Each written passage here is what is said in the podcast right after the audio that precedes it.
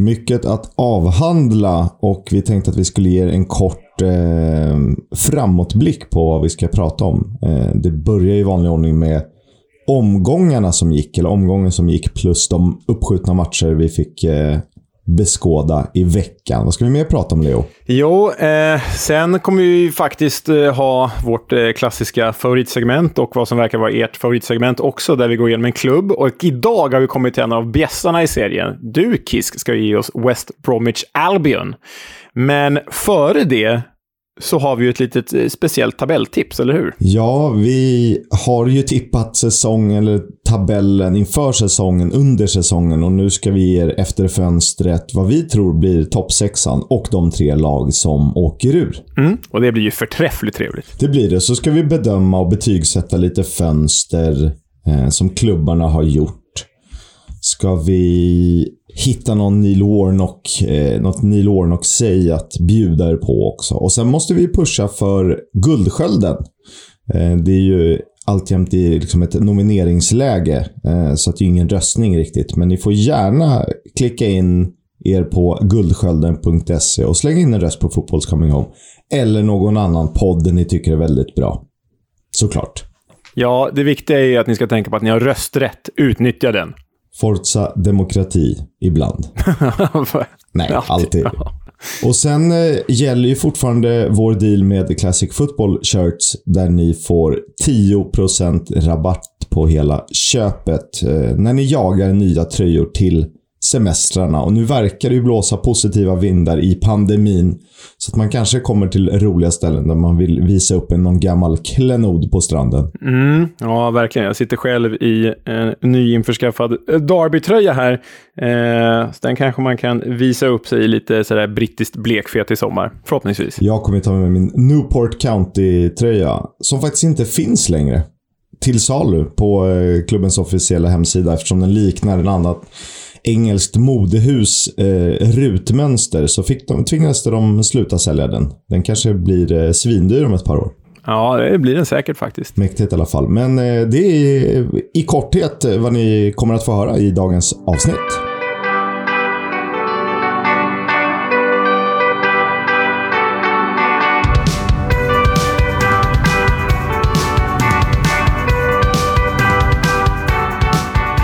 Ni lyssnar alltså på Footballs Coming Home, en podcast om Championship, League 1 och League 2. Mest pratar vi förstås eh, Championship, eh, hjärtat i engelsk fotboll. Och jag heter Oskar Kisk och jag har ju såklart med mig Leonard Jägerskiöld Velander, din eh, ja, Richard Stearman till din Curtis Davis då?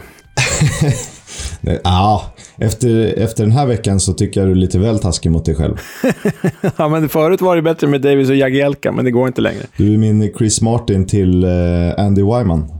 Ja, men det, den kan jag verkligen köpa. Den är ju lik på flera sätt. Den tar vi. Och den är formstark också. Verkligen. Men eh, vi ska börja på annat håll. Ni hörde ungefär vad som gäller idag. Eh, vi tar ju matcherna som de är. Vi ska försöka korta ner det lite och eh, kanske dyka ner i några matcher som vi tyckte var särskilt intressanta. Och eh, fredagens match mellan Huddersfield och Stoke, kanske lite av någon slags eh, tiki-taka-derby för den här serien den här säsongen. Ja, men det tycker jag är en eh, väldigt bra definition av vad de här två lagen står för och hur de spelar. Sen har ju då Huddersfield varit i extremt mycket bättre form än vad The Potters har varit. Men eh, Stoke grejade ändå poäng här eh, på bortaplan. 1-1 blev det ju på våran favoritarena. Jag tycker alltid det är så kul när du säger vad den heter. John Smiths Stadium. Ja, eh, det känns liksom du vet, om man ska hitta på en, ett du vet, Svensson-namn. Svensson i England, det är ju John Smith. Så jag tycker det låter liksom som en påhittad arena. Bara, vi hittar på en random arena. John Smith Stadium. Typ, vi har inte rättigheterna på Pro Evolution Soccer 4, så vi döper den till John Smiths Stadium. Exakt så.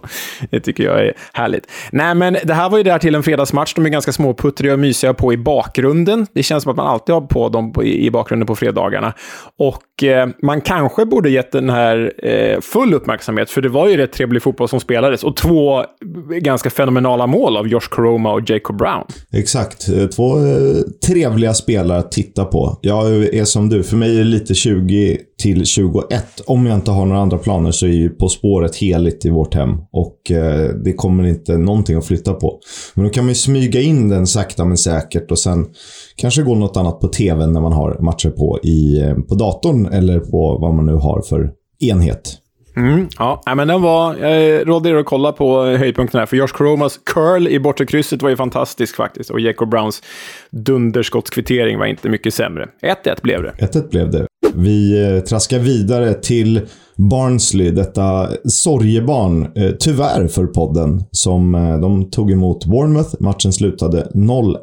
Du, jag tror att du kom på något där. Sorge-Barnsley blir det ju sorgebarn. Oj, att jag missade den obvious. sorgebarnslig. Ja, nej, det är ju faktiskt tragiskt. Bournemouth eh, avgör med eh, matchens enda mål. Eh, Philip Billing är ju eh, verkligen en Premier League-mittfältare egentligen, har man ju sett den här säsongen, tycker jag. Gary Cahill utvisad, men det är bara ett par minuter kvar, så det hjälpte ju Barnsley föga. Det ska ju dock sägas att The Tykes hade eh, väldigt många avslut för att vara eh, The Tykes. De hade 14 skott, vara 7 på mål. Och det är ju en klar offensiv förbättring under Asbaghis ledning. Och eh, utan att gå händelserna för mycket i förväg så spelade de match även i veckan. gick ju inte jättebra. Men det är lite samma scenario. Alltså, jag tittade på, lite på eh, höjdpunkterna där. De har ju lägen. De har bra lägen. Men det finns absolut ingen som är i närheten av att kunna göra något som klassas som ett bra avslut givet läget. Alltså om du, nu är inte jag någon XG-professor, men ser du till vad läget innan avslut har för XG jämfört med... Det är helt omöjligt att de är så uddlösa framåt, tycker jag. Ja, ja. Nej, men det, de, det, och det har ju verkligen varit eh, den, den, stora saken. Den extremt under Asbaghi, den bristande offensiven. Men nu när de ändå liksom börjar skapa så händer det ändå ingenting. Eh, och då har man ju ändå tillgång till en Colly Woodrow som är en ja, men etablerad anfallare på den här nivån. Och så skickade man väl Eh, så har man ju Aron Leiseka också, som är Michi Batshuayis lillebror. Så har, skickade man då den här, Obolari heter han va, så skickade man tillbaka till Belgien. Så på pappret tre ganska starka anfallare, men som ingen har levererat den här hösten. Ja, nej, det, det ser ju mörkare och mörkare ut för Sorge Barnsley. Ja, Bournemouth eh, bröt ju en negativ trend här. De hade förlorat två raka, vann nu. Viktigt för dem. Det tror jag bara är starten på någonting som vi kommer få se mer av. Och det ska vi höra mer av. Och tränarfrågor i stort ska vi prata lite mer om. Men vi går vidare till eh, ett annat topplag. Serieledande Fulham spelade bara 1-1 hemma mot Blackpool. Mm, känns som att Blackpool eh, börjar bli något eh, boogie-team för eh, Fulham, för visst hade de problem eh, borta mot The Seasiders också. Alexander Mitrovic gav ju eh, Fulham ledningen, hans 28 mål för säsongen och är nu bara tre mål från Ivan Tonys målrekord. Och visst, var det så, Kisk, att jag är inte färgad, eller det är jag ju, men jag har inte fel när jag säger att eh, Fulham hade kunnat leda med 3-4-0 efter 10 minuter. Ja, det, det som är lite svårt med den här matchen är eh, nästa punkt i körschemat eh, som är djupt tragiskt. Det är en, en man som fick en eh, form av hjärtattack på läktaren. Och eh, det gick ju tyvärr inte att eh, rädda Paul Parishs liv, vilket är djupt tragiskt. Men hela hela matchbilden bröts ju upp på något sätt och det kändes ju som Fulham hade något momentum. Men det är väl klart att det är väldigt svårt att spela efter, undrar om det inte var 40 minuters paus. Så att de tog ju liksom en halvtidspaus och sen spelade de klart och sen spelade, tog de en till paus och sen... Så det blir nog väldigt upphackat och spelare är ju trots allt människor de också. Ehm, och går det inte bra så tror jag det är svårt att trycka igång. Ja, och det är ju liksom hela den här matchen och hela insatsen och poängen eh, överskuggas ju förstås av det här tragiska som hände. Paul Parrish, må han eh, vila i frid. Men det var ju ändå så eh, att även om Fulham hade liksom en galen anstormning före eh, det tragiska som hände så hade de ju ändå liksom stolpträffar och liknande efter, eh, efter eh, tragedin också. Eh, så de hade ju bud på att verkligen vinna den här matchen. Men Josh Bowler vill, vill ju annat på nästan timmen spelad. Han kvitterade för Blackpool. Så stark, stark, stark poäng för Blackpool och en klar missräkning för The Cottagers. Den gode Josh eh, är ju ryktenas man. Har ju, det var ju flera klubbar som ryckte i honom, sades det. Jag vill minnas att Huddersfield och QPR var två av dem. Men det är ju inte helt omöjligt att han spelar ut den här säsongen och sen rör sig vidare. För jag tycker ändå han har den, den högsta nivån i sig. Ja, verkligen. Det är ju Blackpools, lätt att säga, men Blackpools bästa spelare den här säsongen. Det är det nog. Eh, med Cash Anderson och Shane Lavery som eh, pallplatskandidater.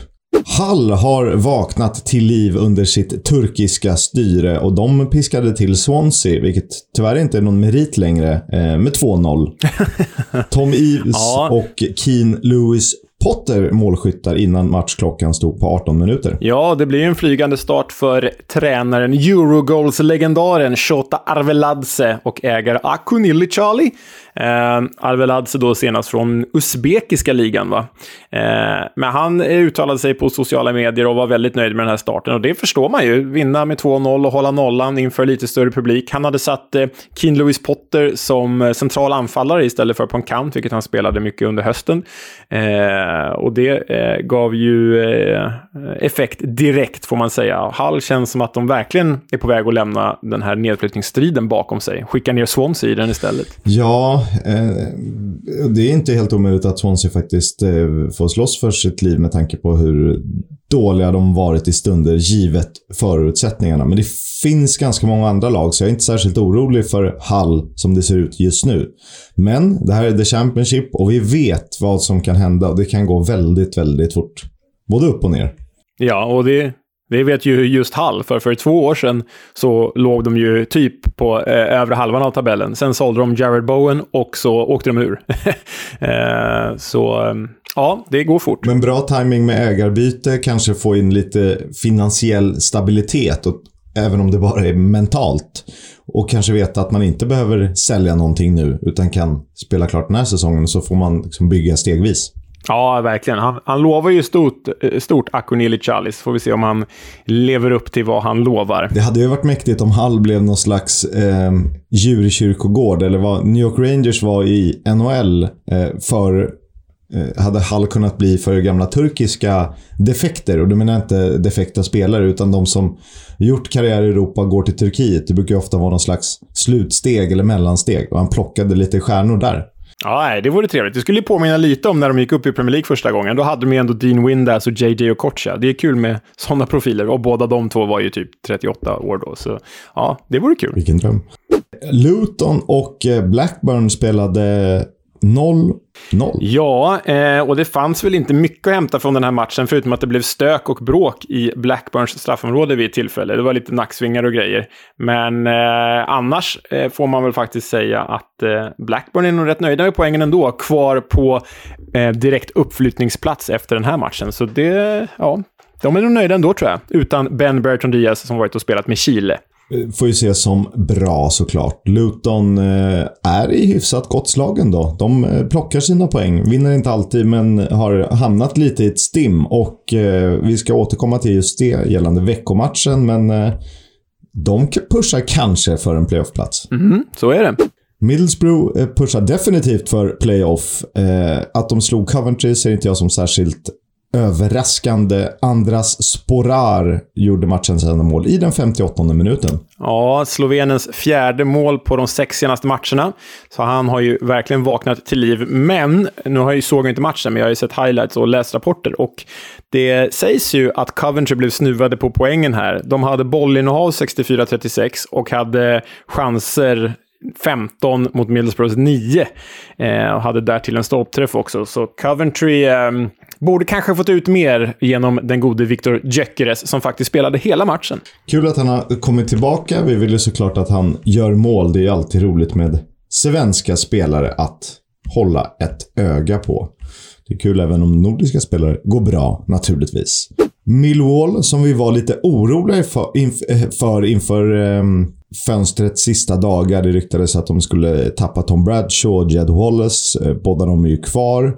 Och jag sa, sa lite hånfullt att ja, det blir tufft om man ska klara sig med Benik Afobe ensam på topp. Och vad händer då? Jo, han gör sitt livsmål. ja, det var ju liksom så här dribblings-soloräd. Jag vet inte hur många eller hur få av er som såg Moussa Dembeles mål för Lyon mot Marseille i veckan. Riktigt så elegant var det inte, men de var ganska lika varandra. Liksom göra en, två spelare och så sen balja dit den. Så Benica Fobis 2-0-mål rekommenderas att titta på. Dessförinnan hade ju den tidigare Derby-talangen Mason Bennett gett Millwall ledningen. 2-0 slutade matchen och eh, West Brom-supporterna var ju naturligtvis inte nöjda när det kastades in bengaler. De hade eh, i och med den här matchen bara en seger på de sju senaste.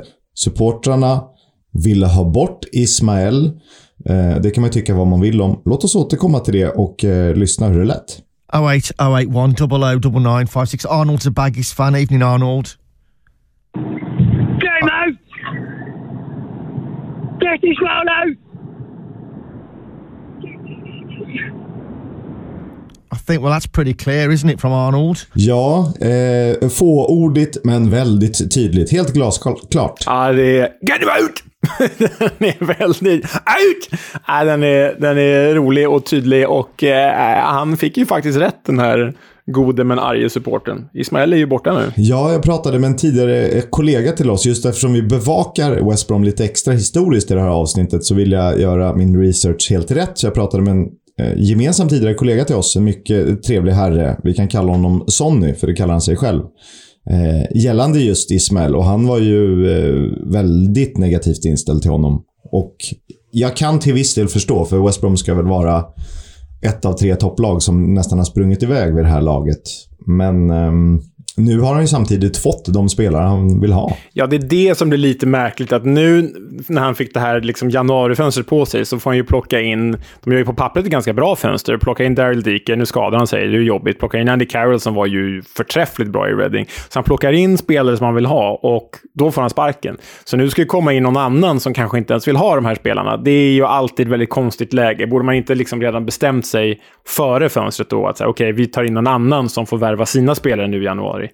Det, det, det är ett konstigt läge att sparka någon när han precis fått värva sina spelare. Men visst, Ismael har ju inte levererat tillräckligt bra, uppenbarligen. Vi fick en fråga på Twitter. Är det inte läge för Barnsley att satsa på Ismael eh, under våren? Och jag är väl jag ställer mig väldigt tveksam till att det skulle vara någon succé. Ja, nej, men det, Barnsley är nog förlorat och det är nog egentligen ett självmordsuppdrag för Ismael. Jag tror att han ser sig liksom på en platå högre än Barnsley nu efter förra året, även om det gick lite sämre här. Och som vi varit inne på, Barnsley har nog valt Asbaghi på lång sikt. För det är ju liksom den typ av fotboll han står för och liksom ungdomliga spelare. Men man kan ju inte förlora alla matcher då heller. De måste ju börja vinna någon gång. Nej, men eh, lite så är det ju såklart. Eh, West Brom förlorade i alla fall borta mot Millwall. Vi talade om nordiska spelare som går bra. Vi kan smalna ner till skandinaviska spelare för Preston North End räddade en eh, sen poäng mot Bristol City och det var ju vår danska vän den bästa nordiska målskytten i Championship den här säsongen, Emil Ries Jakobsen, som gjorde eh, båda målen för PNI. Mm, det blev ju 2-2 på Deepdale. Han, först kvitterade han Chris Martins ledning till 1-1. Och sen kvitterade han Antoine Semenjos 2-1-ledning till 2-2 i den 90 minuten. Och eh, jag vet inte vad du säger om Ries Jakobsens 2-2-mål, men det är ju, jag, jag har skrivit i Köris här att det är Fifa-overkligt. För det är liksom ett inlägg från kanten som han med ryggen mot mål volleysparkar in i en vridning som känns som bara eh, imaginära tv-spelsgubbar kan göra. Det, det, jag förstår inte hur han gör det fysiskt, men det är ju ett otroligt mål. Ja, det är jättesnyggt. Det känns ju som kroppen ska gå av där på något sätt. Ja, ja det är väldigt starkt.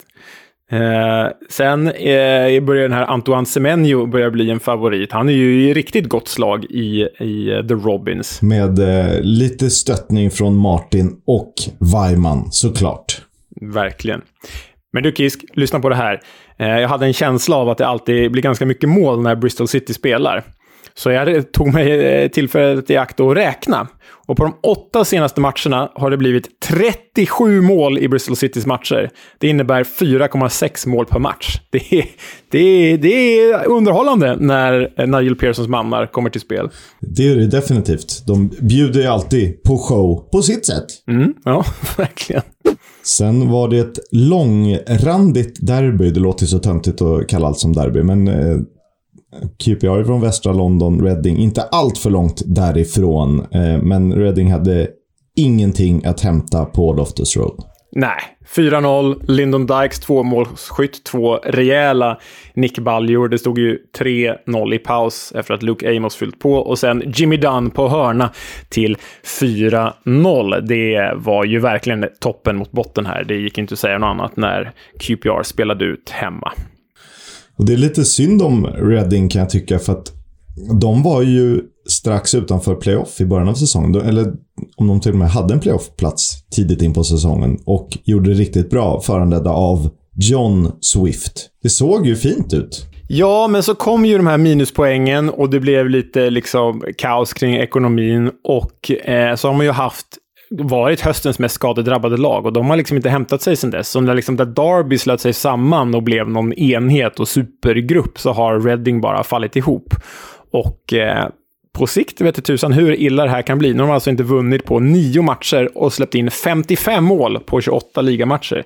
Det är ju fasansfullt uselt faktiskt. Och eh, i skrivande stund så har ju Peterborough en match upp på Reading och skulle de vinna den, ja, då är Reading på nedflyttningsplats. Ja, så, så illa kan det faktiskt bli. QPR däremot, fem segrar och ett kryss på de sex senaste. Formstarkaste ligan. Superhoops. På tal om just Peterborough så tog de emot Sheffield United, men eh, där hade de inte en chans mot ett lag som vi kanske tror är på gång uppåt. Äntligen!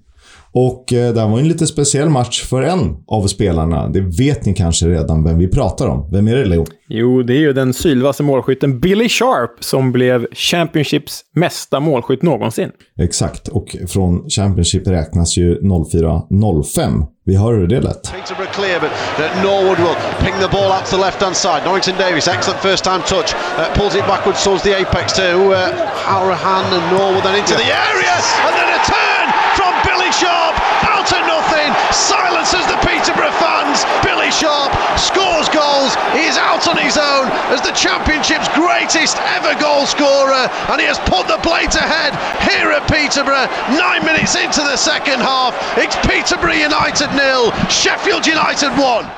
Jag tror att vi har pratat lite om den här listan. Det är bara klassiska namn och vi har ju två aktiva spelare, åtminstone i, i Championship, som eh, är med och trycker på. Behöver några mål till. Ja, alltså vi har ju Billy Sharp leder då på, med sina 122 mål. Sen har vi David Nugent 121 och han spelar väl inte på den här nivån längre. Han är väl typ i Tranmere och håller på.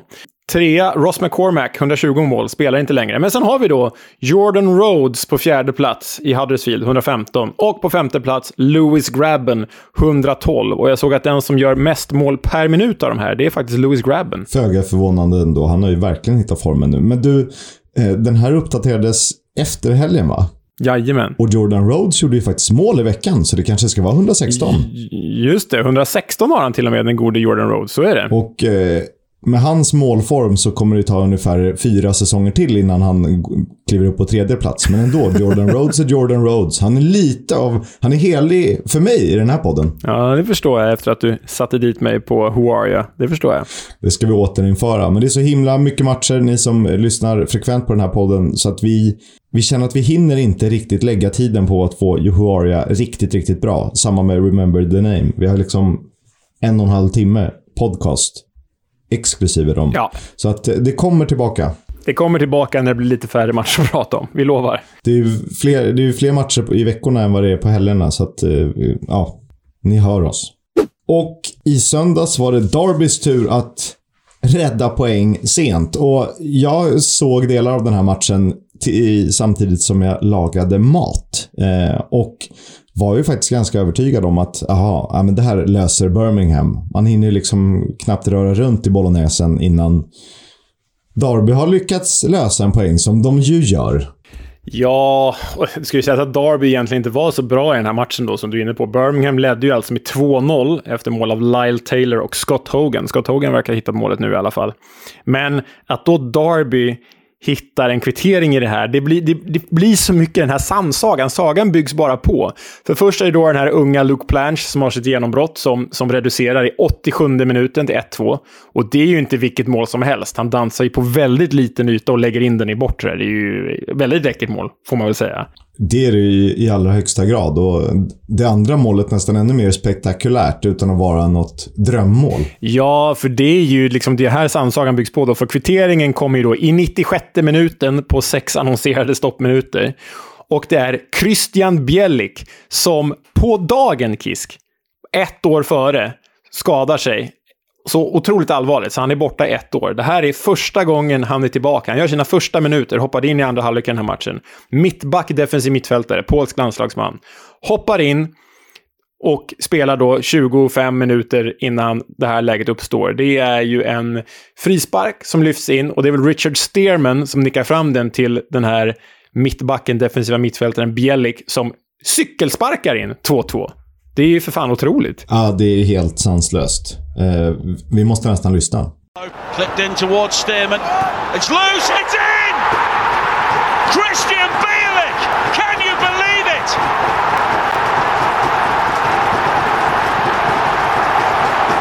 A year to the day, he was carried off with a serious knee injury.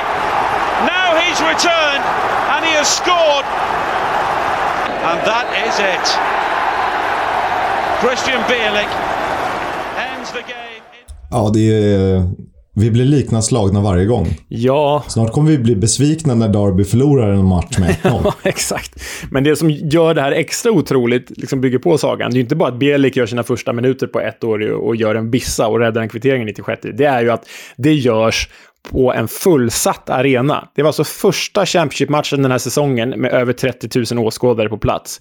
Och det var ju för att Derby-supportrarna protesterade mot IFL. De körde ju en supportermarsch till arenan och protesterade mot att det är för hårt straff och att man håller på att liksom driva klubben i, i fördärvet.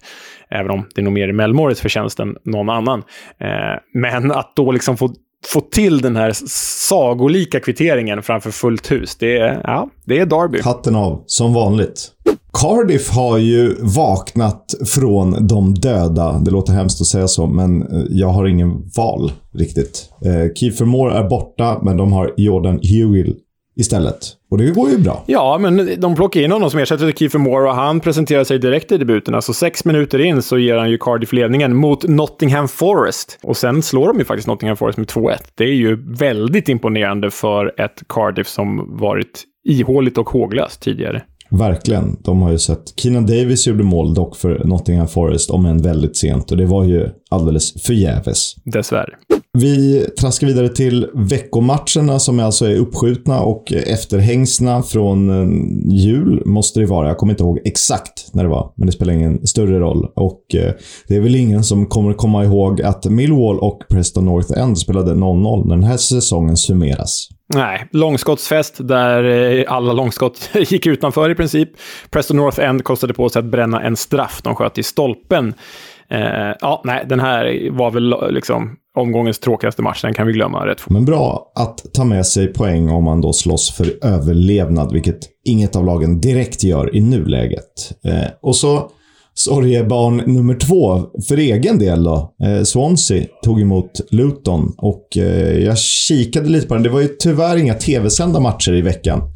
Men om man har konto hos IFL iFollow så kan man ju se matcher här och var. Och jag slängde ett par getögon på den här och det som stack ut var ju att det var fantastiskt roligt att se Harry Cornick igen. Och han är ju en spelare, tycker jag, som kan betyda att Luton kan ge den här playoff-pushen, den här drömmen om eh, uppflyttning, en liten extra chans.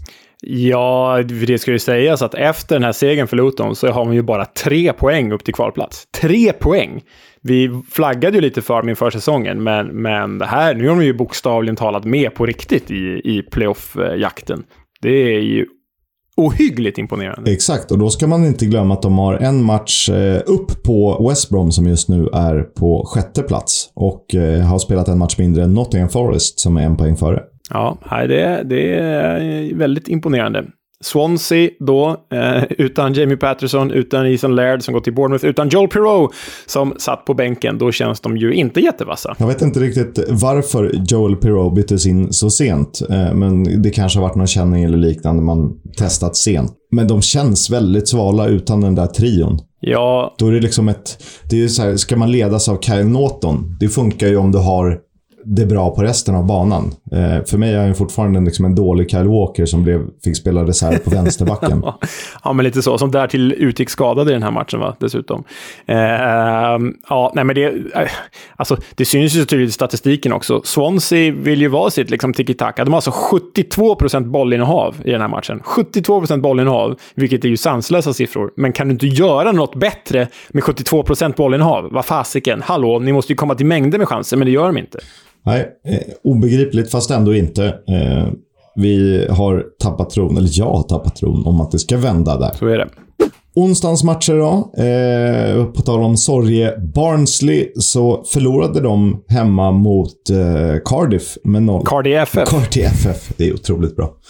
Eh, Uche Ikpeazzo, inlånad från Borough på deadline day. Matchvinnare blott två dagar senare för Bluebirds och eh, det är ett enormt mål. Om Benik Afobe gjorde något liknande fast det var snyggt så var det här det här var krig och råstyrka. Han liksom trycker bort försvarare. Han har bestämt sig att den här bolljäveln ska in. Ursäkta språket. Och det är dåligt avslut, men det spelar ingen roll för bollen rullar in. Ja, det är ju liksom... Känslan i det här målet, det är ju som att Solbamba skulle få spela anfallare och göra mål. Eh, det, det, är den bästa liknelsen jag kan komma på. Riktigt towerblock där framme. Eh, men det är ju en slags revansch för både Cardiff och Ikpiazzo. Cardiff eh, vinner ju då eh, andra matchen på bara ett par dagar och eh, Ikpiazzo hade ju en eh, väldigt tråkig höst i Middlesbrough, så får komma in här och göra mål direkt. Så det är ju kul för honom. Men återigen, Kisk, ett Barnsley med bollinnehav, med majoritet hörnor och en hel del chanser som vi var inne på tidigare. Men de gör inte mål. Jag var tvungen att kolla det här flera gånger, eh, höjdpunkterna. Och eh, I mean, det är liksom... Jag vet inte, det är som att ett bra lag skickar in mig på topp. Eh, otränad, ur form. Eh, har spelat lite fotboll. Men vet, alla missar det. Det är dåligt.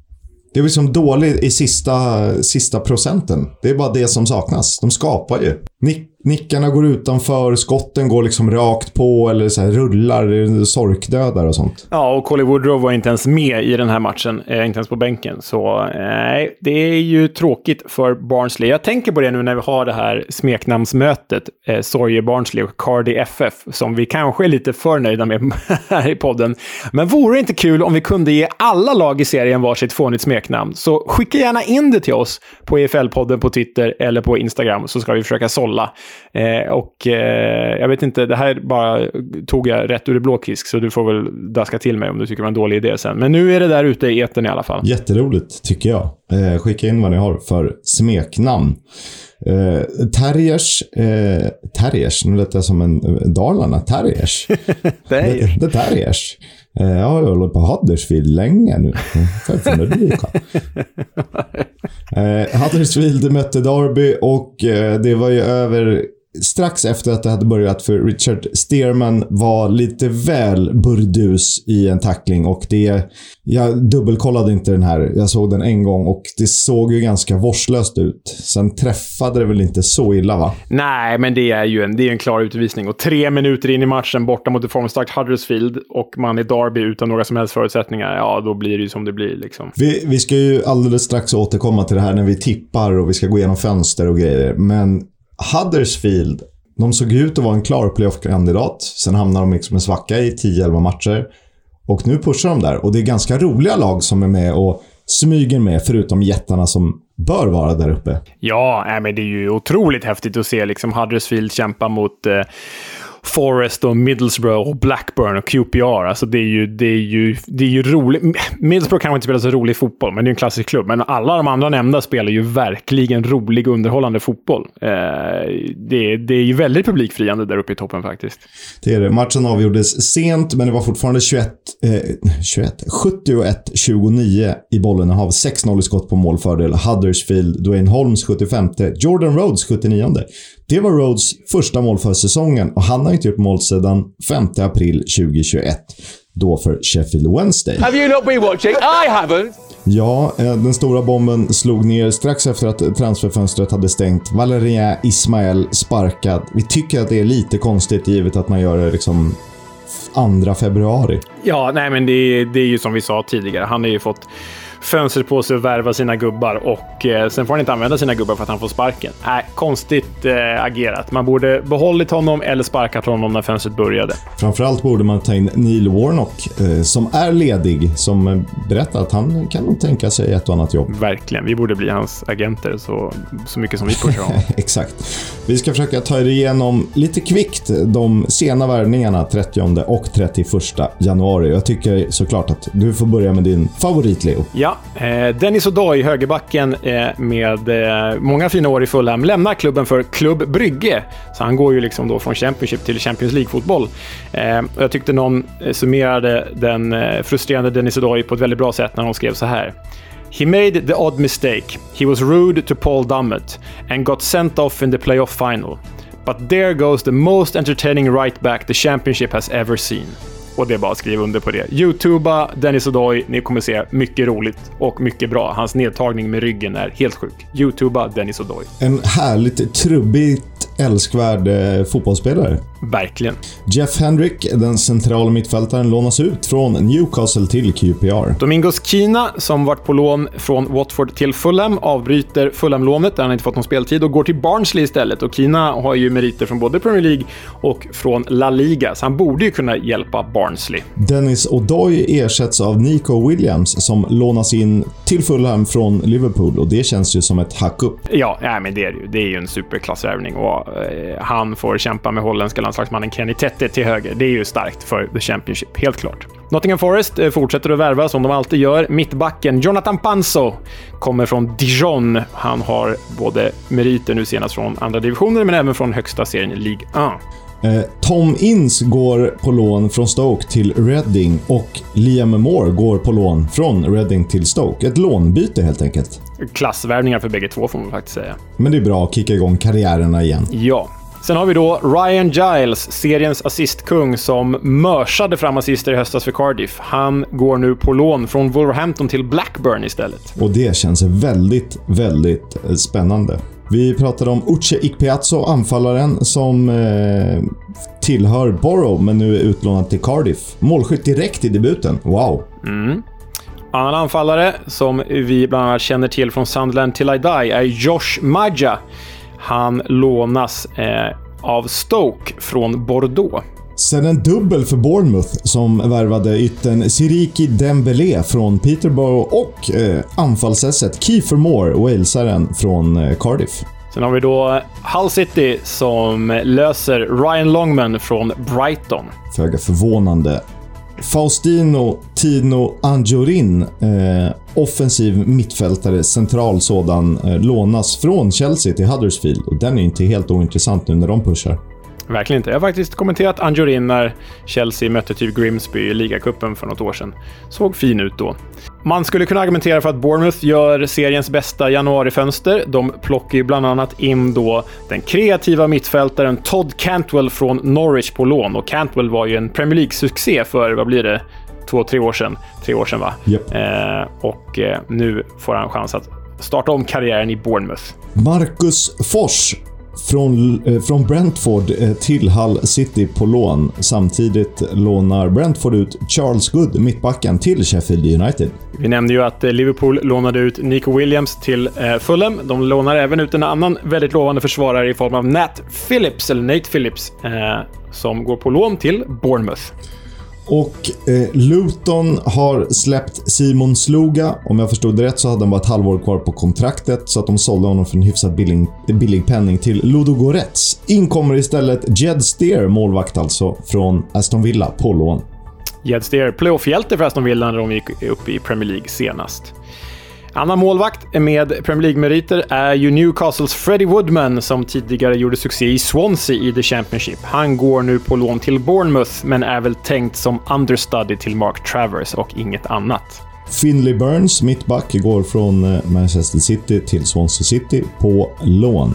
Sen har vi varit inne på det redan. Jordan Hugill, eh, Hugill eh, lånas in då till Cardiff från Norwich City och gjorde även han mål i sin Cardiff-debut. Eh, Karel Eiting, central mittfältare, går från skänk, eller kontraktet eh, avslutas med skänk och han eh, går gratis till Huddersfield. Sen har vi då eh, en Östersundsbekanting, den engelska målvakten Jamal Blackman, Chelsea-produkt som eh, väl åkte fast för eh, drunk driving va? I, i Östersund, om jag inte... Alltså eh, fyllekörning. Eh, om jag inte missminner mig. Eh, det var något eh, klammeri med, med rättvisan där i alla fall. Eh, han har nu kommit tillbaka till engelsk fotboll för han lämnar LAFC och går till Huddersfield. Allt överskuggades av de andra ekonomiska oegentligheterna som försiggick i Östersund. Så det är svårt att komma ihåg de här andra mindre skandalerna då. Ja, exakt. En poddfavorit, även om vi har pratat om honom alldeles för lite. Jermaine Defoe tillbaka i Sunderland. Ja, och jag har ju sagt att han har många mål i sig och det är här han ska avsluta karriären. Och eh, de har ju gått ut med liksom hashtaggen One Last Dance och sådär. Så, så det ska bli väldigt kul att se Defoe förhoppningsvis skjuta upp Sunderland till den här divisionen. Det är de ju mer än värda. Verkligen. Sen har ju Sunderland sparkat sin tränare nyligen och eh, Neil Warnock har ju aviserat intresse. Men det jag läste så sent som i morse är att Roy Keane är odds favorite one to one att ta över.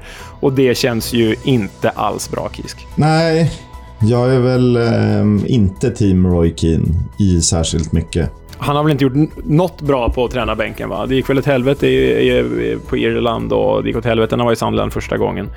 Ja, det där vet tusan hur det ska gå. Ja, allt jag drömmer om är eh, att Neil Warnock får göra en liten mini-comeback här innan han förmodligen tackar Ja. för sig i sommar. Det ska vi prata mer om i segmentet Veckans Warnock såklart. Nu är det dags för oss att ta ut fönstrets fem bästa värvningar. Vi har två olika listor. Ja, eh, exakt så är det ju. Det är ju eh, var sina, alltså man tar ut eh, de fem bästa värvningarna var. Eh, 1 till 5 då rankat och sen har vi då eh, varsin lista med de tre bästa fönstren respektive det sämsta fönstret eh, ur klubbsynpunkt. Då. Precis, så är det. Och eh, ska vi börja från femte plats då kanske? Mm, det kan vi väl göra. Jag kan köra igång då. Den femte bästa värvningen i det här fönstret tycker jag är Bournemouths lån av Ethan Laird från Manchester United. Ytterbacken som gjorde succé i Swansea i höstas. Och på femte plats har jag Karel Eiting. Kanske en liten eh, smygare här för Huddersfield. Central mittfältare. Han debuterade mot Derby i veckan. Spelade fram till 1-0. Han fick spela 45 minuter. Jag tror att det här är en sån som kan stabilisera eh, Huddersfield centralt. Bredvid O'Brien då, förmodligen. Och eh, jag tror att de lyfter under honom ytterligare. Mm, spännande. Sen har vi faktiskt samma gubbe på fjärde plats och vi har redan nämnt honom, men det är ju Todd Cantwell. Eh, Norwich-spelaren som lånas till Bournemouth. Exakt. Varken mer, varken mindre. Han är väldigt bra i sina bästa stunder. Det här är ju... Bournemouth menar ju allvar med att de ska upp och eh, de lånen och värvningarna är ju högklassiga för den här nivån. Eh, verkligen, det är ju snudd på Premier League-spelare allihopa, om inte Premier League-spelare.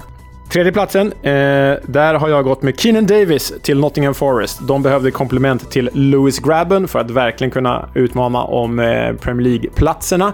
Och Keenan Davis har ju direkt visat, lånet från Aston Villa, att han är en anfallare med näsa för Premier League. Så det är min trea. Nu har de en fin trident där med Davis, Johnson och Grabben. Eh, jag har ju Keenan Davis eh, på en annan placering, men jag har som trea Ryan Giles i Blackburn.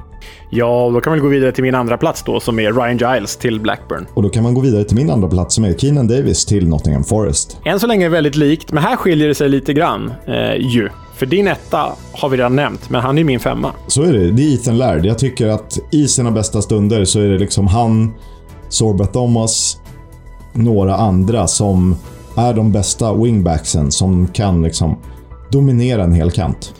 Ja, nej, men det är ju en, en förträfflig värvning. Min, min etta var ju då Valerian Ismaels eh, stjärnvärvning eh, och eh, som skulle liksom skjuta upp West Brom till Premier League. Daryl DK, men Ismael har ju fått sparken och eh, Daryl DK är skadad i två månader, så det kanske inte blir så bra värvning i verkligheten som det är på pappret. Men han får vara kvar på min första plats. Daryl DK. På pappret eh, så ska han väl vara med där, men jag tog eh, hänsyn till att han faktiskt är skadad i... Han blir borta i åtta veckor och då eh, får man väldigt svårt att göra någonting bra på den tiden som återstår i Championship den här säsongen. Så därför är han inte med på min lista. Nej, det är nog rätt resonerat egentligen. Och vilka lag hade bäst transferfönster då? Min trea, Blackburn Rovers. Eh, framförallt för att eh, dels de plockade in Ryan Giles, men ännu mer för att de lyckades behålla Ben Brereton Diaz. Jag har ju Blackburn. Vi har ju sa samma lag på listan, fast i olika ordningar. Eh, jag har ju eh, Nottingham Forest som trea och eh, resonerar så att Brennan Johnson är kvar. Keenan Davis kan vara en playoff. Eh, skillnaden mellan playoff och inte.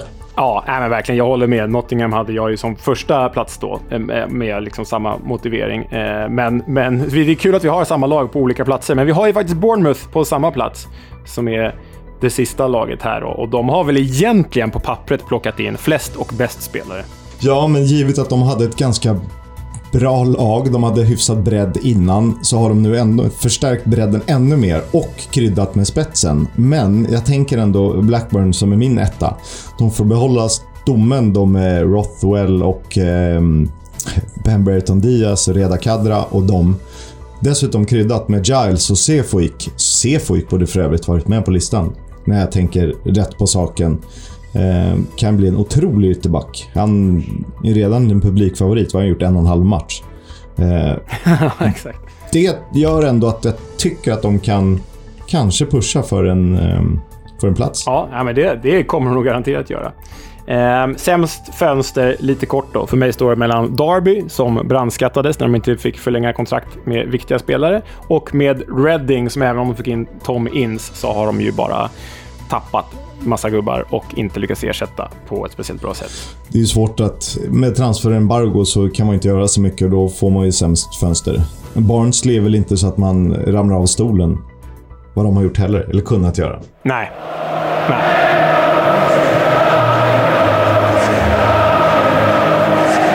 Footballs Coming Home sponsras av Stryktipset. Ett spel från Svenska Spel, Sport och Casino för dig över 18 år. Stödlinjen.se. Lördag 16.00, match 10 på kupongen. Det är Blackpool mot Bristol City. Och två lag som i den här podden kallats anonyma och intetsägande, men som vi omvärderat, eller åtminstone jag.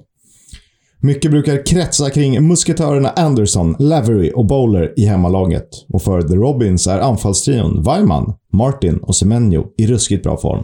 Uppbackade av skott och Masengo centralt på mittfältet. Jag, kan tro, jag tror att det här blir både en jämn och en underhållande match och vi hörde Leo prata om att den, det kan bli målrikt i Derby de la 15 plats. Jaha. vad, har- du i kikan Leo? Det är ju FA-cupen bland annat. Ja, men det ska ju sägas att eh, ehm, det är ju väldigt få, på grund av FA-cupen så är det väldigt få eh, Championship-matcher i, i helgen. Men jag tycker ju att Swansea Blackburn på lördag kväll suktar. Eh, den känns ju riktigt trevlig. Swansea måste ju börja lyfta snart och eh, Blackburn är ju alltid bra. Men sen kommer faktiskt ett gäng veckomatcher också och där vill jag ju verkligen slå ett slag för tisdagens Derby County mot Hull City. Oj, vad den liksom... Uff, bara brinner i min Derby-tröja som jag har på mig just nu. Ja, brinner i halltröjan du har hemma i garderoben också. Ja, jag gillar ju Hull mer än Derby egentligen, men... ja, Derby de la Leo-tröjor liksom. verkligen. Men den, den ser jag fram emot i alla fall. Ja, mycket att se fram emot. Eh, more to come. Ja, och med det hörni, då har det blivit dags för eh, ja, men nästan en eh, religiös eh, vignett här.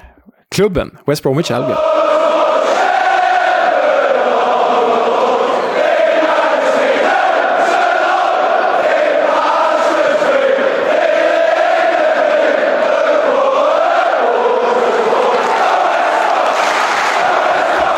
Hörde ni West Bromwich-supportrar sjunga The Lord's My Shepherd, även känd som psalm 23. Den eh, sjöngs för första gången i Baggis-sammanhang 1974 i samband med att man skulle möta Everton på Goodison Park i FA-cupen. Matchen spelades på en söndag, vilket var ovanligt på den tiden och den kristna kopplingen var given. Sen 90-talet blev den allt mer vanlig runt The Hawthorns, även om klubben har flera låtar som kan kallas hymner. Bland annat Ray Kings reggae-flört, West Bromwich Albion.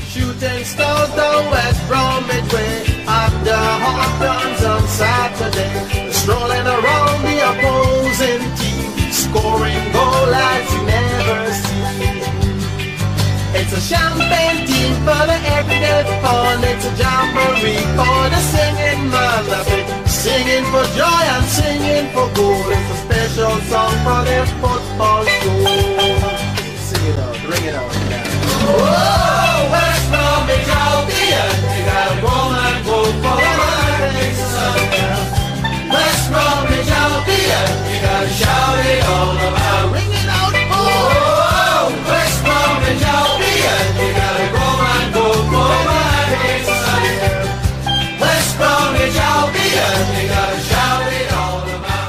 Och man kan ju givetvis inte prata om West Brom utan att nämna Harry J. Allstars klassiker The Liquidator. Chelsea var förvisso först, men den är minst lika bra på The Hawthorns. Här strax före avspark i ett derby mot Aston Villa.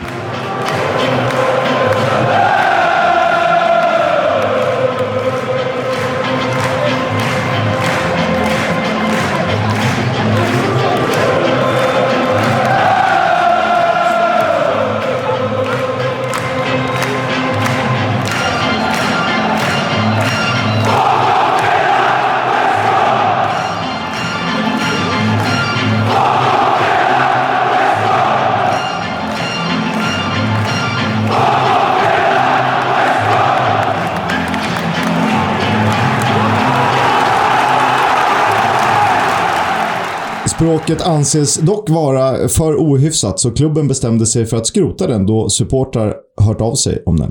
Och trams, om ni frågar mig. Ja, oerhört tramsigt. Oerhört tramsigt. Ja. Ja, men ja, alltså vi, vi måste kunna eh, klara ett fuck-off i fotboll. Eh, Den höga, så högt i tak bör det ju vara, tycker jag. ja, jo, instämmer. West Bromwich Strollers grundades 1878 av fabriksarbetare, således yngre än West Midlands-rivalerna Aston Villa, Birmingham och Wolverhampton, men äldre än Coventry och Walsall. Varför Strollers? Legenden säger att de fick promenera till närliggande by för att köpa fotbollar.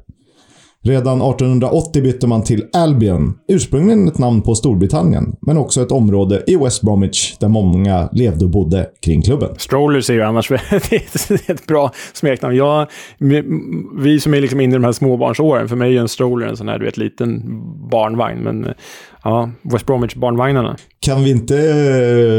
Vi kan ju design och klubbmärken. Kan vi inte rita om West Bromwich Strollers med en sån här schysst liten barnvagn och en unge som sitter i? Det vore jättemysigt ju. Vi tar med oss den idén. Eh, West Bromwich blev första Midlandsklubb att nå en fa Cup-final 1886. Men inte den första att vinna efter man förlorat finalen mot Aston Villa året därpå. Titeln dröjde dock inte länge och redan 1888 vann man FA-cupen sedan Preston North End finalbesegrats. Samma år bildades Football League med West Bromwich Albion som en av klubbarna. Man hinner med att vinna FA-cupen ytterligare en gång på 1800-talet. Eh, båda gångerna, 1888 och 92, är Billy Bassett en av nyckelspelarna i laget. Hans spelarkarriär i klubben avslutas i slutet av seklet efter drygt 300 matcher och 1905 kliver han in i ledningen då West Brom har ekonomiska problem. Tillsammans med Harry Keys och tack vare insamlade pengar räddar han klubben från konkurs. Och bara några år senare, som ordförande för WBA, räddar han återigen klubben med pengar från egen ficka. Förutom arbetet med Albion jobbar han både med eh, Football Association och Football League. Och rivaliteten mellan England och Skottland är under tiden så stark och Bassetts avsky för skottar leder till att West Brom under hans ledning inte värvar någon skotsk spelare på 29 år. Satan. Rasism. Eh, det kan man ju säga. Patriotism är vissa, eh, nationalism. Eh, någonting är det och eh, det har ju vänt. Eh, tacka fan för det, får vi säga. Verkligen.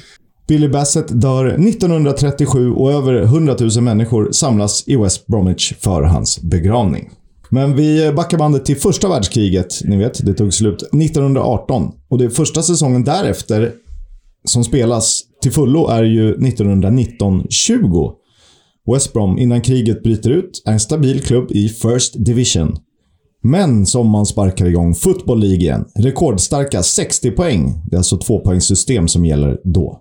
9 poäng före Burnley. 104 mål gjorda. Att jämföra med Burnleys 64. där en viss Fred Morris noterades för 37 av målen. Och det är till dags dato klubbens enda ligatitel. 11 år senare skriver man historia på nytt. Efter att ha åkt ur ett par år tidigare säkrar man uppflyttning samma säsong som man vinner FA-cupen för tredje gången. Och det är det ingen annan klubb som gjort. Varken före eller efter West Bromwich 1931. Och ni vet ju att West Brom är baggis. Men eh, vet ni varför? Eller vet någon det? Jag har absolut ingen aning. Smeknamnet var inte särskilt populärt internt inledningsvis, men eh, med åren har man tagit det till sig och det finns olika teser kring hur smeknamnet egentligen kom till. Först var man The Throssels, alltså trastarna. Eh, och West Bromwich, eh, vi har ju heraldiken med oss, har en trast i emblemet. Mm, det är ju bara Atlanta Thrashers, Thrash, At- Thrashers, Atlanta Thrashers, tidigare NHL-klubben, som också haft en trast i sitt emblem, fast på ett mycket fulare sätt. Som man känner till sådär på rak arm. Bra info. Eh, vanligt är ju också bara The Albion, lite som Huddersfield bara är The Town. Eh, men var det så att det kom från Aston Villa-supportrar som såg ner på de baggy trousers som användes i fabrikerna och såldes av supportrarna till West Brom? Eller är det från de baggy shorts man spelade i? Ja, enligt Tony Matthews, West Brom-historiker, underbar titel, kommer smeknamnet baggies från något annat. The Hawthorns, som blev hem mot klubben redan 1900, hade bara två ingångar, en på respektive kortsida. När eh, intäkterna från biljetterna samlades in i väskor eskorterades de personerna av polis längs sidorna. Eh, oh, here comes the bagmen blev eh, till ramsan Here come the baggies. Och på den vägen är det. Sägs det i alla fall. Mm, kul story. Den, eh, den gillar man ju. Den tar vi med oss. West Bromwich Albion hade alltså tre fa Cup-titlar innan andra världskriget och fler skulle det bli. Även om man inleder efterkrigstiden i andra divisionen dröjer det inte särskilt många år innan man etablerar sig i Division 1. Och efter fjärdeplatsen 52-53 väntar en härlig säsong. Team of the Century, ett lag så sevärt att vissa propagerade för att West Bromwich-truppen, hela alltså, skulle representera England vid VM 1954. Med Johnny Nichols och Ronnie Allen framåt slutar Baggis två i ligan och besegrar Preston North End i fa Cup-finalen. Ryan, Kennedy, Ryan. It's Griffin.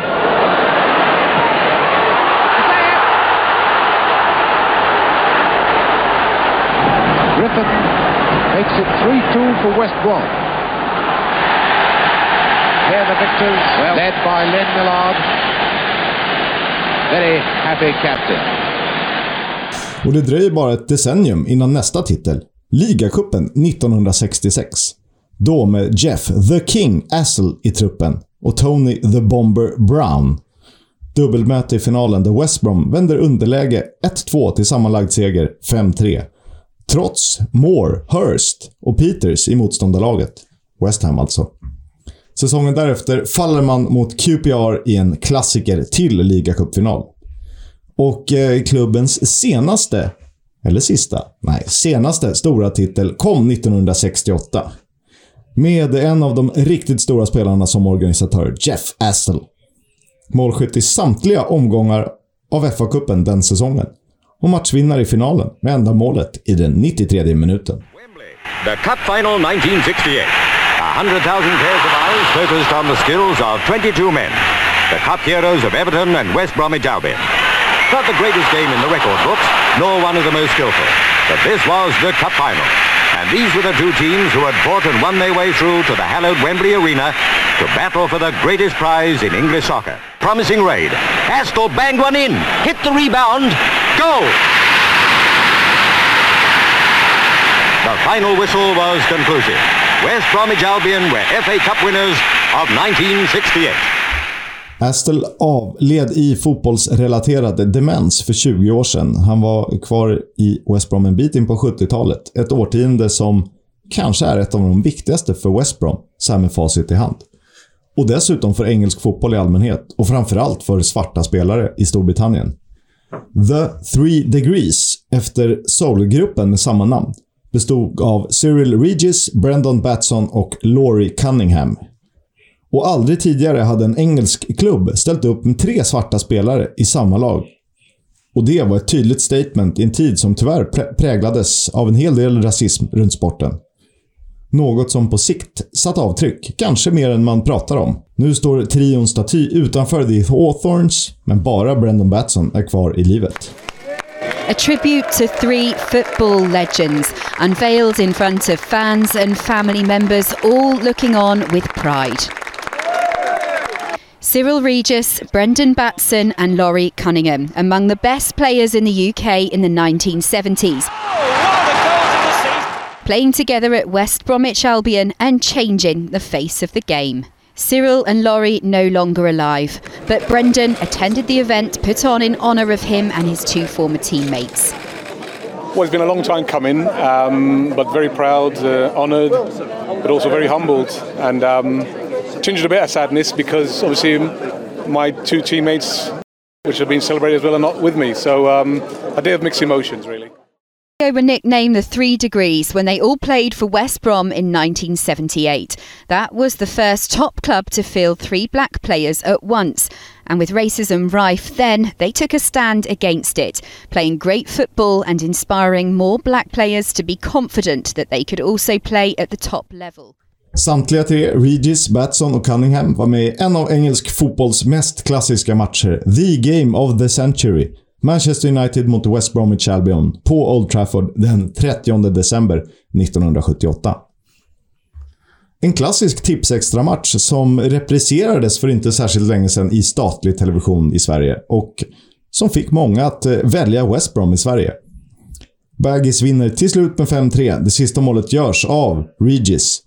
Cunningham med hockeyassisten. Cunningham letting the ball beat Houston, and he's away again to show that pace and grace and control. Just a nicely weighted little pass for Ali Brown, who's turned inside Brian Greenoff. On for Regis. Oh, what a goal! Ja, alltså, eh, nu levde ju varken du eller jag på 70-talet, men det här arvet som West Brom har, det är ju liksom inte bara ett oerhört viktigt arv för dem själva, utan det är ju liksom för, för engelsk fotboll, egentligen för hela världsfotbollen.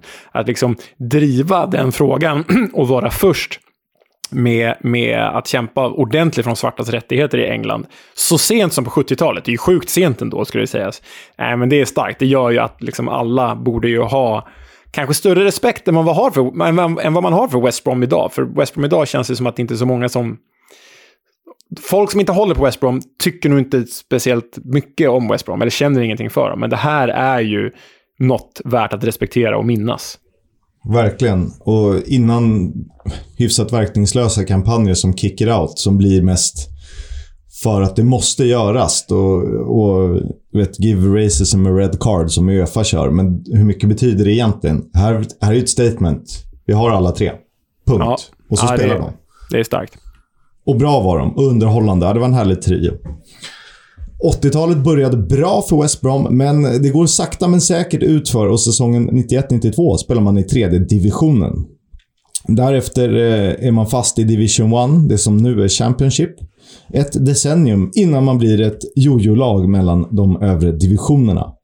Stabila blir man först på 2010-talet under ledning av Roy Hodgson med vad som måste betecknas som en modern klassiker till trupp. Scott Carson och Boas Myhill i mål, Chris Brunt, Yusuf Mulumbo, Paul Scharner, Jonas Olsson, James Morrison, Peter Odenwingie, Nicky Shorey, Steven Reed, Somen Choye, Graham Dorrance. Ni hör ju! Alltså, att du lägger till Somen Choye där, det tycker jag är helt fantastiskt. Jag blir överraskad själv, jag som gillar smala spelare. Det är kul att Kamerunien Somen Choye eh, får vara med de andra namnstarka killarna där. Det gläder mig. Jag tror också det här handlar om eh, ålder, vad man själv var i livet. Man hade tid att kolla väldigt mycket fotboll. Eh, Premier League började liksom... Allt gick ju på TV eller i olika streamingtjänster. Det var väl i Viaplays begynnelse. Så man kunde ju se allt och då ville man ju se allt. Och det här är ju klassiska namn för mig. Ja, ja, ja, gud ja. Och det är ju riktiga profiler, många av de här. Alltså, verkligen. Och sen förstärkte de till säsongen efter, eller de gjorde förändringar. Då kom namn som Ben Foster, Shane Long och Gareth McAuley in. Med flera. Och här har jag ju skrivit att nu leds West Bromwich av Valérien Ismael från sidlinjen. Men det gör de ju inte längre. Eh, och vi får väl återkomma när de har någon att presentera. Och det sägs ju att han tappade förtroendet hos nyckelspelarna efter att ha petat Sam Johnstone. Och supportrarna de hade tappat tålamodet för länge sedan. För sedan 2001 har man ju aldrig varit sämre än sexa i The Championship. Totalt har West Bromwich Albion gjort 82 säsonger i engelsk fotbolls finrum. Endast 10 lag har spelat fler säsonger i högsta divisionen. Och då kommer ju frågan till dig. Jag har ju nämnt en svensk. Vilken är den andra som har representerat West Brom? Ah, är det bara en till förutom Jonas Olsson alltså? Så vitt jag vet. Oj. Oj. Det är Marcus Rosenberg, är det? Han hade ju en tuff tid innan han eh, vände hem till Malmö FF och blev husgud på Stadion. Men jag kommer ihåg, både du och jag jobbade ju på, på Viasat då, eller Viaplay. Och han spelade ju, de matcher han fick starta fick han ju starta som typ vänsterytter i ett så här 4-2-3-1-system. Det är ju liksom inte Marcus Rosenbergs position, Nej. kan vi nog alla vara överens om. Jag vill minnas, det bara ploppar upp en siffra, jag har inte dubbelkollat det här, att han gjorde 14 framträdanden då, inhopp eller starter och gjorde noll mål för West Brom. Ja, men det, det noll mål stämmer. Det kommer jag ihåg i alla fall. Ma- Matcher kommer jag inte ihåg, men ja. Nej, det var... Man borde kunna få ut bättre av Marcus Rosenberg. Fan, det är ju faktiskt en, en spelare som satt avtryck i både holländska och tyska ligan och även i spanska ligan. Så där känns som att man bara... ja, det känns som att man bara använde honom fel här. Exakt, och det kanske var en rörig tid.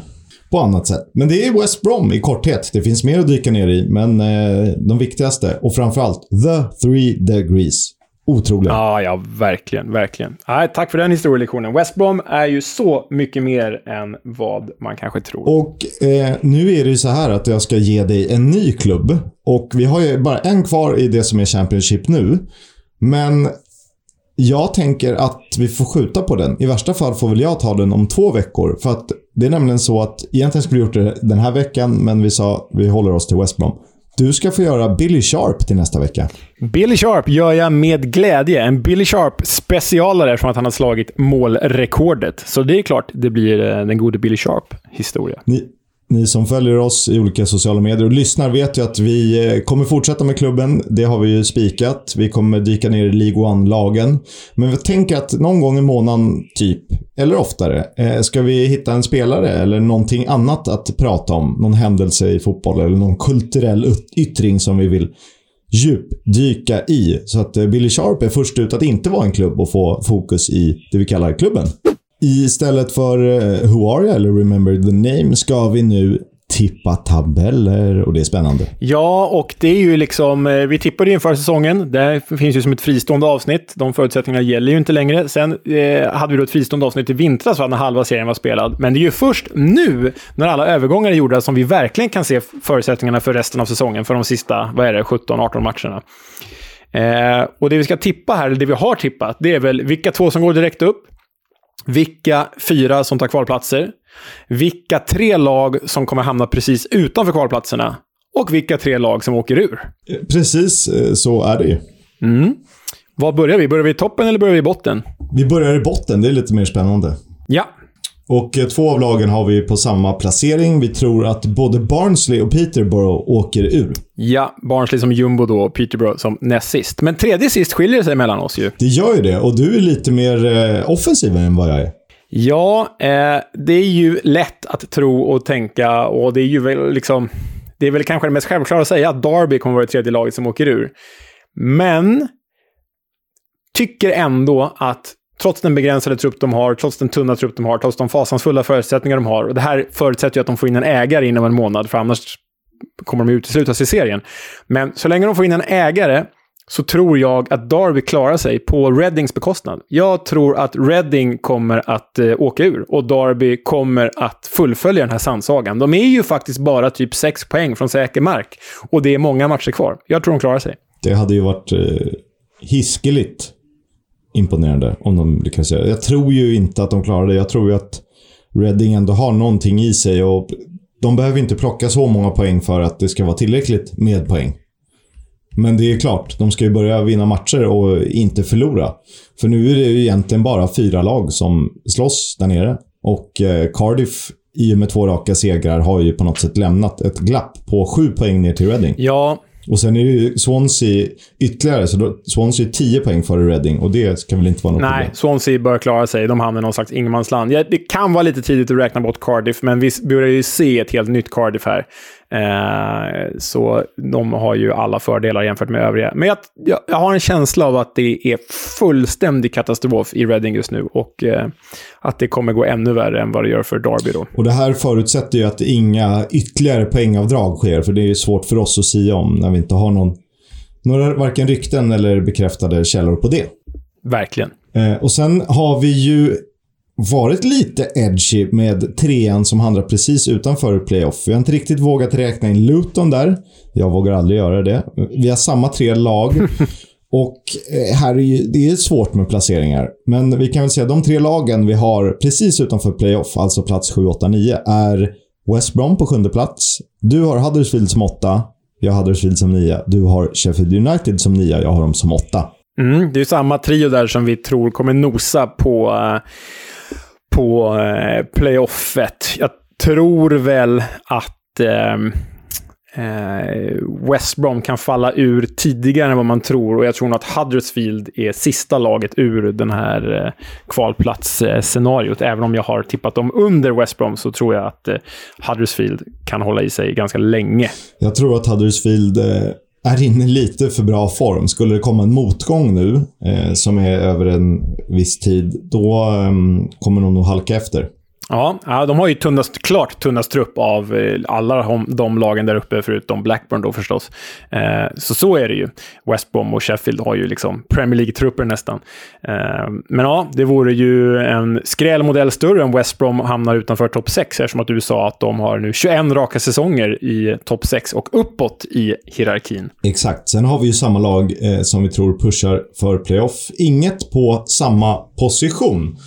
Eh, ska vi göra det lite spännande och säga att vi har samma tabelltopp. Det är ju föga förvånande. Fulham som etta. Med all rätt. Och i och med förstärkningarna, jag gissar att du tänker likadant, Bournemouth som tvåa. Ja, jag hade faktiskt... Eh, jag skrev en preliminär tabell innan fönstret var klart. Och då hade jag inte Bournemouth som tvåa, jag hade dem som trea. Men nu när de liksom tog in fem spelare och alla med typ Premier League-kvalitet så går det inte att blunda för. Alltså, de har ju helt plötsligt en trupp som är lika bred som Fulhams. Kanske inte lika vass, men lika bred och ändå ja, näst vassast i serien. Så, så Bournemouth ska gå upp. Allt annat än direkt uppflyttning för Fulham och Bournemouth nu, det är ju eh, fullständigt fiasko, skulle jag säga, för respektive. Skandalöst vore det. Men vi tar våra sjätteplacerade lag enligt tipsen. Du har? Blackburn Rovers. Jag har Middlesbrough. Mm. Eh, femte plats då, där har jag Queens Park Rangers. Nottingham Forest. Fjärde plats, där har jag Middlesbrough. Och fjärde plats, där har jag QPR. Och trea, där har jag Nottingham Forest. Där har jag Blackburn. Mm. Jäkla rolig kvartett. Alltså om vi tippar rätt på kvartetten här nu, oavsett placeringar, så är det ju... I alla fall i min mening, Middlesbrough får ursäkta om man tänker med Premier League-ögon. Svinkul att få upp Forest, QPR eller Blackburn. Ja, det är roligt. Och det här Blackburn, tänk vad de skulle kunna göra med lite resurser. Ja. Tony Mowbray och Ben Burton Diaz är väl inte kvar oavsett. Men jag tror att Ryan Giles, vad gjorde han? 11 assist för Cardiff som var definitionen av upp och ner. De var ju för sig ganska bra i början. Men kan han bara få lite fart på det här och Rothwell och Buckley och eh, Bradley Dack. Kaminski i mål. Ja, nej, men jag hade... För mig hängde Blackburn i och med att de har tunn trupp. För mig hängde det på att Ben Bertrand Diaz stannar eller inte. Och att han stannar gör ju dem till liksom ett av de bästa januarifönstren och att hela den här playoff-drömmen förmodligen kommer leva resten av säsongen. Eh, det vore ju fenomenalt trevligt med en framgång för dem. Eller för Forest. Eller för QPR. Det enda jag är osäker på är ju QPR, för de har ju gått ruskigt bra nu på sistone. Det är lite som med Huddersfield. Att det har gått för bra. Och det handlar om att hålla i det. Och orkar de verkligen göra det? Nu får de i och för sig tillbaka Shade eh, i gott slag, kanske. Och, och har förstärkt lite också. Jeff Hendrick är ju ingen personlig favorit, tycker han är rätt grisig, men det är ändå en rätt bra spelare. Jeff Henrik är en sån som eh, trodde att han skulle bli någon De Bruyne-karaktär, men slutade som en så här falsk Lee Cattermole. Liksom. Lite så. En fusionen mellan Lee Cattermole och Kevin De Bruyne. Då får man Jeff Henrik. Jo, men han målades upp som en så här kreatör, fast inte en offensiv mittfältare, utan en central mittfältare. Som jag minns det, rätta mig om jag har fel, men eh, har blivit liksom insedd att han kanske är lite för begränsad. Ah, ta ett steg tillbaka och... Ja, men du är något på spåren där. Så, är, så ser jag nog. Have a chat about the fucking game. About your game, last few months, last few weeks. Fucking character. Neil Warnock bekräftar inte rakt ut att han slutar efter säsongen. Men han tror att han har gjort sin sista match om det inte dyker upp något uppdrag här under våren att rädda någon klubb. Och han stänger inga dörrar, det gör han inte. Nej, och det är ju oerhört glädjande. För vi vill ju se mer av den gode Warnock. Självklart. Um, jag tror kanske West Brom är fel projekt, men Reading hade ju varit roligt att se honom i. Om, men de har väl inte ens råd? Reading hade ju varit helt rätt. Komma in och rädda, för det är ju det han gör bäst. Komma in och rädda. Han är ju liksom... Han är ju en Roy Hodgson-gubbe, fast argare. Exakt, och han pratar lite om Roy Hodgson i den intervjun också. Att han har fått ett jobb. Då kan jag också ha ett... De är väl gamla polers från förr. Och jag tror att Reddings trupp skulle passa honom ganska bra. Den har den typen av karaktärer som han får liv i. Han skulle ju kunna göra Junior Hoylett till någon Adel Tarapt eh, under våren. Precis, och liksom hänga upp det ganska mycket på Jonathan Swift och, och sådär. Och slå, slå långa bollar på Lucas Joao. Så ja, absolut. Vi lanserar Warnock till Reading. The manager more than any other manager in English football. Welcome along, Neil Warnock. Yeah, a pleasure to have you in, and all three of you gents. It's lovely to have you in, in the studio. Um, you said about the montage that we just looked up there. Things always get brought back up. It's it's a stellar career that still keeps going, of course. Um, just how proud of you about being that record breaker?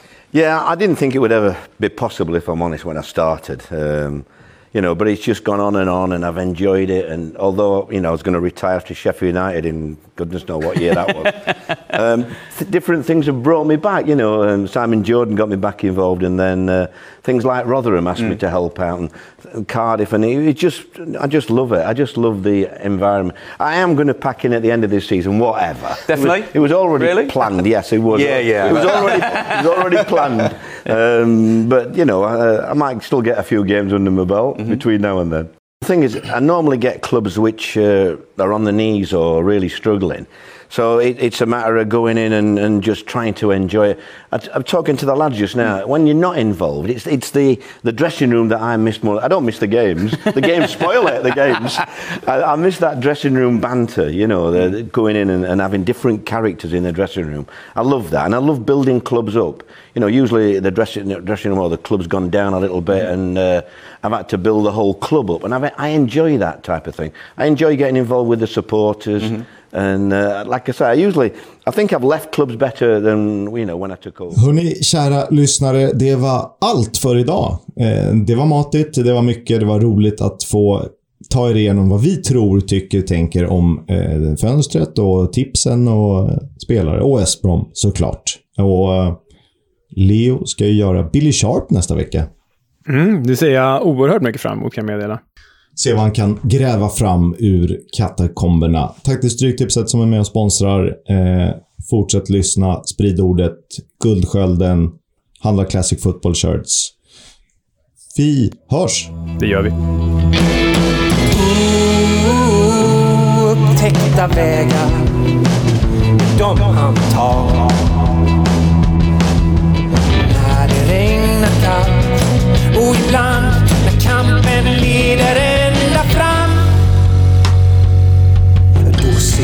Ses vi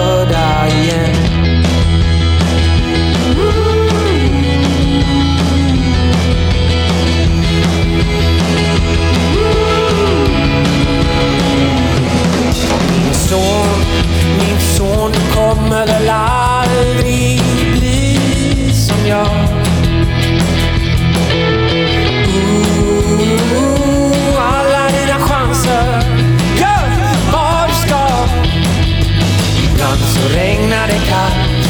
Men till slut leder kampen